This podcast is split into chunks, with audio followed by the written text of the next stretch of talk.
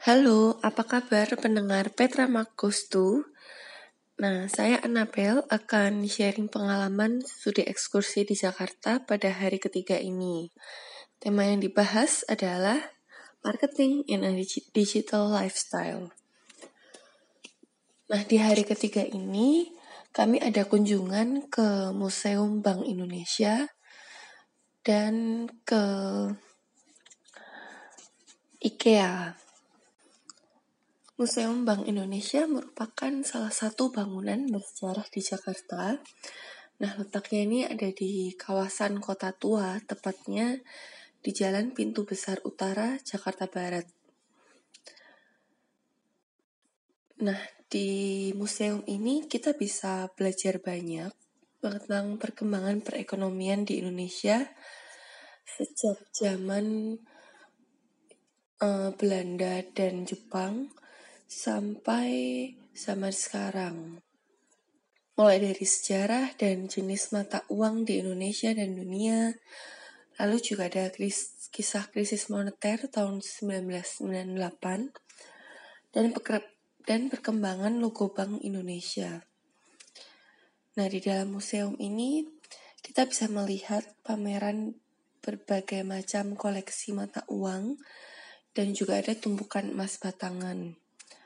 Ada pula patung-patung lilin yang menceritakan pembangunan dan aktivitas perbankan di masa kolonial. Sedangkan di bagian belakangnya, itu ada ruangan yang menjual souvenir Museum Bank Indonesia. Jadi kita bisa pilih nih berbagai macam souvenir yang menarik buat buat oleh-oleh ya. Mulai dari stiker, kartu pos, gantungan kunci, alat tulis, sampai baju kaos. Semuanya ini berciri khas Museum Bank Indonesia. Nah, untuk ke museum ini, traveler hanya perlu membayar Rp5.000. Jadi kalian bisa foto-foto sepuasnya. Juga di dalam museum ini ada tour guide yang bisa menemani kalian. Museum Bank Indonesia ini dirancang untuk mendidik masyarakat Indonesia bagaimana peran Bank Indonesia di sejarah panjang Republik Indonesia, seperti kebijakan moneter dan sistem pembayaran yang terus berubah seiring waktu. Museum ini juga memberikan informasi yang disampaikan secara visual ataupun audio tentang sejarah mata uang dan perdagangan di Indonesia dari zaman sebelum penjajahan hingga zaman sekarang pihak museum ini ngasih informasi ke kita uh, tentang bagaimana caranya Hindia Belanda itu memonopoli perdagangan rempah-rempah di Kepulauan Indonesia. Lalu juga ada informasi tentang sistem perbankan Hindia Belanda, kondisi mata uang ketika Indonesia di masa pendudukan Jepang, hingga krisis ekonomi pada tahun 97 yang menjadi salah satu sebab terjadinya kerusuhan Mei 1998 yang merupakan faktor penyebab runtuhnya Orde Baru dan lensernya rezim Soeharto. Koleksinya ada apa aja sih di sana? Jadi koleksinya tuh uh, meliputi mata uang numismatik dari era abad ke-14 dan benda-benda bersejarah dari era kerajaan-kerajaan. Untuk kalian yang belum tahu, Numismatik ini adalah kegiatan yang bertujuan untuk mengkoleksi mata uang seperti koin, uang kertas, token, dan benda-benda semacamnya. Kemudian di museum ini juga dilengkapi sama peralatan canggih dan berubah menjadi cyber museum. Alat peraganya tuh ada LCD, layar sentuh, panel statik, diorama, televisi plasma, dan parabolic speaker. Nah, waktu kita pertama kali masuk ke museum ini, pertama-tama kita akan melewati pintu masuk utama. Nah, di pintu masuk utama ini kita bisa lihat ya, gimana interior dari gedung kuno era Belanda. Di sini kita juga bisa menikmati kaca jendela kuno buatan tahun 1935. Dan pengunjung juga bisa mengakses informasi dan peta museum. Informasi tentang sejarah perbankan Indonesia itu dimulai dari ruang transisi. Jadi ruang transisi ini pakai teknologi hologram yang menunjukkan koin-koin berjatuhan. Di sini kita bisa menikmati permainan sambil baca-baca informasi yang membahas latar belakang dari koin yang berjatuhan ini. Jadi sesuai namanya, ruangan ini mengubah ketertarikan pengunjung dari situasi sekarang hingga ke masa lalu. Lalu kita akan diajak untuk membahas sejarah Bank Indonesia dengan memasuki ruang pertunjukan. Di ruang pertunjukan ini kita bisa nonton film yang isinya tentang sejarah Bank Indonesia. Ruangan ini cukup buat kira-kira hmm, 30 pengunjung. Nah, kemudian setelah dari ruang pertunjukan kita bisa lanjut ke ruang sejarah Bank Indonesia. Ada peta tua, juga ada replika dari kapal kuno dan aktivitas di pelabuhan. Di sini tuh banyak panel dan objek replika yang ceritain tentang sejarah Nusantara. Dari area awal abad 19 dan area sejarah de Javas Jepang. Kemudian kita bisa memasuki ruang-ruang periodik. Nah, ada enam ruang periodik di sini. Dari periodik pertama sampai ke periode ke-6. Periodik pertama ini membahas sejarah Indonesia tahun 1953 sampai 1959. Era ini adalah era perjuangan kemerdekaan. di mana pada era ini Bank Indonesia tuh membantu membiayai de, uh, untuk mengatasi defisit besar yang menghantam ekonomi Indonesia. Jadi di tahun ini itu terjadi inflasi besar karena pergolakan rakyat Indonesia. Kemudian di ruang periode kedua itu periode tahun 1959 sampai 1966 atau yang kita kenal dengan era ekonomi terpimpin zamannya Presiden Soekarno. Di era ini BI membantu pemerintah untuk membiayai proyek-proyek mahal Contohnya, proyek Gelora Bung Karno yang secara finansial juga dibantu oleh pinjaman spesial dari Uni Soviet. Periode ketiga ini dimulai tahun 1966 sampai 1983 yang disebut dengan era stabilisasi, rehabilitasi, dan ekonomi. Di era ini, BI membantu UMKM untuk berkembang. Jadi secara makro tuh ekonomi Indonesia bisa terangkat karena berkembangnya UMKM ini guys. Kemudian periode keempat ini merupakan era pembangunan ekonomi dengan pola deregulasi yang terjadi pada tahun 1983 sampai 1997. Peran Bank Indonesia itu meningkatkan ekonomi dengan cara membantu bank-bank untuk menyerap likuiditas dari publik. Nah, masuk ke periode kelima itu dimulai tahun 97 sampai 99 yang merupakan era krisis moneter. Di masa ini, B ini berusaha keras buat menyelamatkan ekonomi Indonesia dan krisis perbankan yang menghantam negara kita saat itu. Periode terakhir itu periode ke-6 yang terjadi pada tahun 1999 sampai 2005 atau yang kita kenal dengan era reformasi. Di era ini BI mencoba untuk mempercepat pembangunan ekonomi Indonesia. Nah, kemudian uh, kita bisa lanjut ke tiga ruangan lain. Ada ruang numismatik, ruang emas, dan ruang masa depan. Ruang numismatik ini nyimpen koleksi uang-uang Indonesia yang disusun secara kronologis. Tiap kronologisnya mendeskripsikan sejarah uang. Jadi koleksinya uangnya tuh disusun secara modern di panel vertikal dan vitrin. Vitrin itu lemari panjang yang digunakan buat menyimpan benda-benda koleksi museum di tiap vitrin itu juga ada lensa binokular jadi kita tuh bisa melihat secara jelas detail dari uangnya. Kalau ruang masa depan itu ruang yang nunjukin rencana Bank Indonesia pada tahun 2025. Kemudian di ruang emas itu kita bisa melihat ya koleksi emas batangan yang banyak sekali.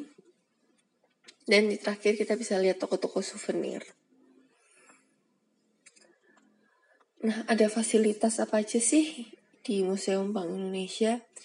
Jadi di Museum B ini kita ada memanfaatkan fasilitas pusat informasi, ruang auditorium, banking expo, cafe museum, kios buku, ruang serbaguna, dan juga ada fine dining restaurant. Next, kita bakal bahas IKEA. Nah, mungkin kalian yang suka cari dan beli perlengkapan mebel sama furniture, tentunya nggak asing kan sama merek IKEA. IKEA ini didirikan oleh Ingvar Kamprad di Swedia tahun 1943. Saat itu IKEA tuh mencoba hadir memberikan produk dengan harga yang relatif murah dan kualitasnya itu nggak mengecewakan. Nah, di era itu konsumen cuma punya dua pilihan. Produk bagus dengan harga mahal atau produk murah dengan kualitas seadanya. Di industri mebel nih, IKEA jadi merek yang revolusioner. Karena IKEA ini yang pertama kali memperkenalkan konsep konsumen memilih barang di toko lalu merakit barangnya itu sendiri di rumah. Nah, ada tiga hal yang dilakukan oleh IKEA yang membuat mereka tuh bisa bertahan lama dan menjadi merek yang ikonik. Yang pertama, IKEA ini menjalankan bisnis dengan tingkat efisiensi dan efektivitas yang tinggi. Hal ini bisa kita lihat dengan pilihan konsumen yang harus merakit sendiri barangnya yang telah dibeli. Yang kedua, aktivitas inti yang dilakukan IKEA itu terkoneksi satu sama lain dan dilakukan secara konsisten sehingga model bisnis mereka itu sulit buat ditiru oleh pesaing lainnya. Yang ketiga, IKEA ini melakukan aktivitas berdasarkan kelompokan yang tidak umum. Kelompokan ini yang diterapkan dalam pembuatan katalog produk. Manajemen IKEA itu selalu mastiin kalau retail yang ada di seluruh dunia itu selalu menerapkan konsep metode penjualan dan pelayanan konsumen yang sesuai dengan standar IKEA. Satu hal yang berhasil dilakukan IKEA itu mereka bisa membangun model bisnis yang baik dan berkelanjutan. Jadi IKEA ini mengombinasikan antara sumber daya manusia dengan kompetensi yang dimiliki, serta membawa konsep furniture berkualitas yang tidak harus mahal. IKEA menjalankan strategi untuk memenuhi kebutuhan target marketnya dengan menawarkan berbagai macam furniture yang berkualitas dengan harga relatif murah dan terjangkau. Siapa sih target market IKEA? Target market IKEA itu mahasiswa dan pasangan muda yang umumnya memiliki pendapatan relatif rendah. Tentunya tidak ingin menghabiskan banyak uang untuk membeli furniture. IKEA tuh memahami kalau keluarga muda butuh furniture untuk mengisi rumah baru mereka. Tapi mereka nggak punya banyak uang untuk melakukannya. Di sini IKEA memiliki value offering, yakni menawarkan berbagai macam produk kebutuhan rumah dengan desain yang menarik, kualitasnya baik, harganya relatif rendah, dan memiliki nilai ekonomis.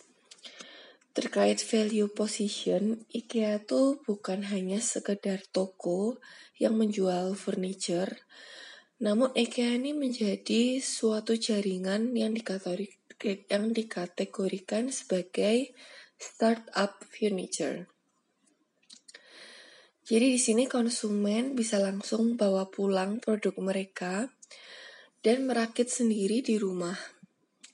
IKEA tuh juga menerapkan sistem self service di mana konsumen ini dikasih kesempatan buat mendesain sendiri ruangan yang mereka inginkan dengan panduan sales representative yang berpengalaman.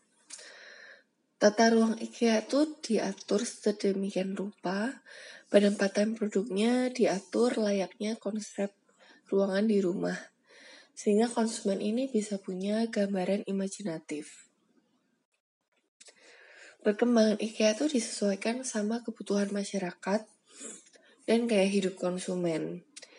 Sudah sesuai dengan visinya, IKEA ingin menciptakan kehidupan yang lebih baik bagi semua orang dan berharap supaya semua orang itu mampu untuk membeli furniture sebagai kelengkapan rumah maka mereka melakukan inovasi dengan menekan skala biaya produksi, biaya distribusi, dan biaya retail.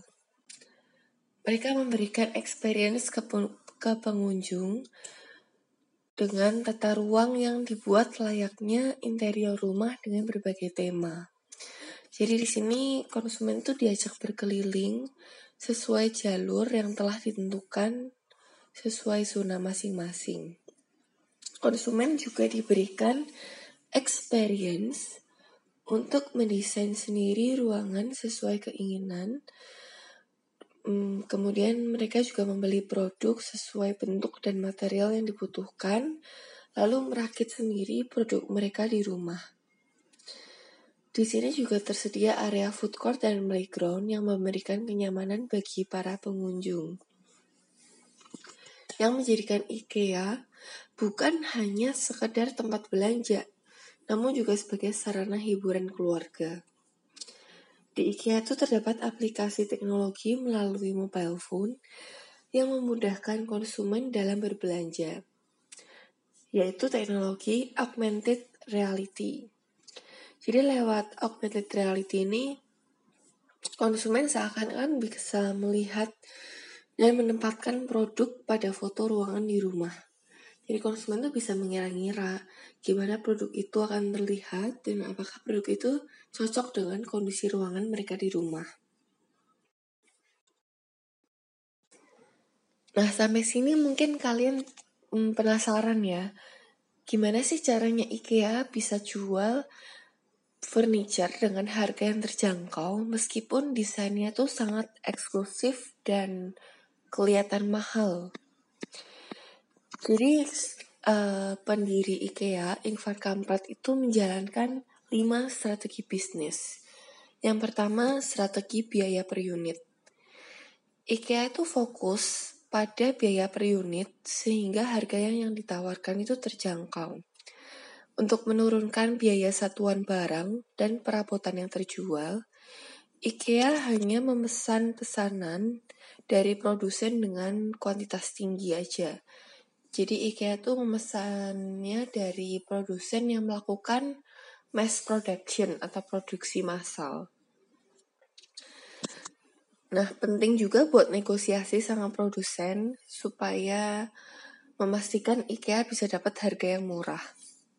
Yang kedua, strategi biaya transportasi.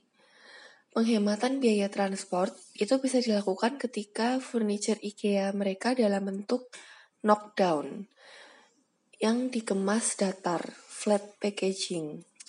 Jadi eh, mudah buat dipindahkan ke gudang atau peti kemas. Semua knockdown ini bisa diangkat pakai forklift dan pelanggan juga bisa membawa perabot rumah yang dibeli itu dengan mobil atau truk. Troli khusus yang disediakan memudahkan pelanggan untuk mengambilnya dari konter ke mobil. Yang ketiga itu strategi biaya pengiriman. Nah, furniture knockdown ini sistem sebuah konstruksi pada produk furniture yang waktu pembuatannya itu bisa dibongkar pasang. Nah, intinya furniture knockdown ini furniture yang bisa dibongkar lalu dirakit lagi. Nah, kekuatan pada knockdown ini adalah baut atau sekrup yang digunakan untuk merekatkan pada konstruksinya. Furniture knockdown itu nggak pakai lem buat menyambung konstruksinya. Nah, karena fakta bahwa sebagian besar perabotan yang dijual IKEA itu berbentuk knockdown, maka para pelanggan tuh hanya perlu mengambilnya di toko gudang IKEA sendiri. Setelah melakukan pembayaran, mereka bisa langsung bawa furniture knockdown-nya tuh ke rumah bisa dibawa pulang. Tapi IKEA tetap uh, nawarin layanan pengiriman dengan biaya tertentu kalau pelanggan minta furniturnya dikirim ke rumah. Yang keempat itu strategi biaya pemasangan. Tidak seperti kebanyakan toko furniture yang sudah selesai dirakit, pelanggan cuma tinggal menunggu perabot mereka dibawa ke rumah. IKEA memakai cara lain. Jadi pelanggan mereka tuh bisa memasang perabotan mereka sendiri saat dibawa pulang. Jadi secara nggak langsung IKEA telah menghemat biaya pemasangan. Untuk memudahkan pelanggan, IKEA menyediakan panduan manual langkah demi langkah bagaimana caranya untuk memasang perabotnya di rumah. Nah, komponen-komponen perabot ini tuh mudah dipasang ya ibarat merakit Lego dan akhirnya menjadi sebuah perabot. Yang kelima, IKEA tuh main di margin keuntungan. Jadi gudang-gudang IKEA tuh beroperasi mengikuti konsep margin keuntungan yang rendah pada kuantitas yang tinggi. Jadi gampangannya kayak labanya nggak usah tinggi-tinggi lah, yang penting kita fokus ke kuantitasnya. Kuantitas salesnya tuh tinggi. Jadi mereka tuh lebih mengutamakan jumlah kuantitas yang tinggi walaupun dijual dengan harga rendah. Nah inilah strategi yang membuat IKEA mampu menawarkan harga 20% lebih murah daripada pesaingnya. Dan IKEA tetap bisa menghasilkan profit yang besar karena menerapkan penghematan biaya dan kualitas produk yang memuaskan pelanggan. Nah, mungkin strategi 5 strategi IKEA ini bisa kalian terapkan dalam bisnis Anda. Memang belum tentu Anda nggak bisa untung dengan menjual harga murah pada pelanggan, tapi Anda juga harus berhati-hati dalam merumuskan strategi keuangan. Jadi ini guys sharing aku sampai di sini dulu ya perbincangan kita tentang uh, strategi yang diterapkan oleh IKEA dan mungkin tentang sharing pengalaman di Museum Bank Indonesia. Buat teman-teman nih yang tertarik buat mendalami lebih lanjut, uh, kalian bisa dengerin episode kami selanjutnya di channel Petra Markus tuh di Spotify. Saya pamit dulu. Terima kasih teman-teman buat dengerin podcast aku. Semoga podcast ini bisa bermanfaat buat kalian semua. Dan aku juga minta maaf kalau ada kata-kata yang kurang jelas atau kurang berkenan di hati saudara. Bye bye, see you on the next episode.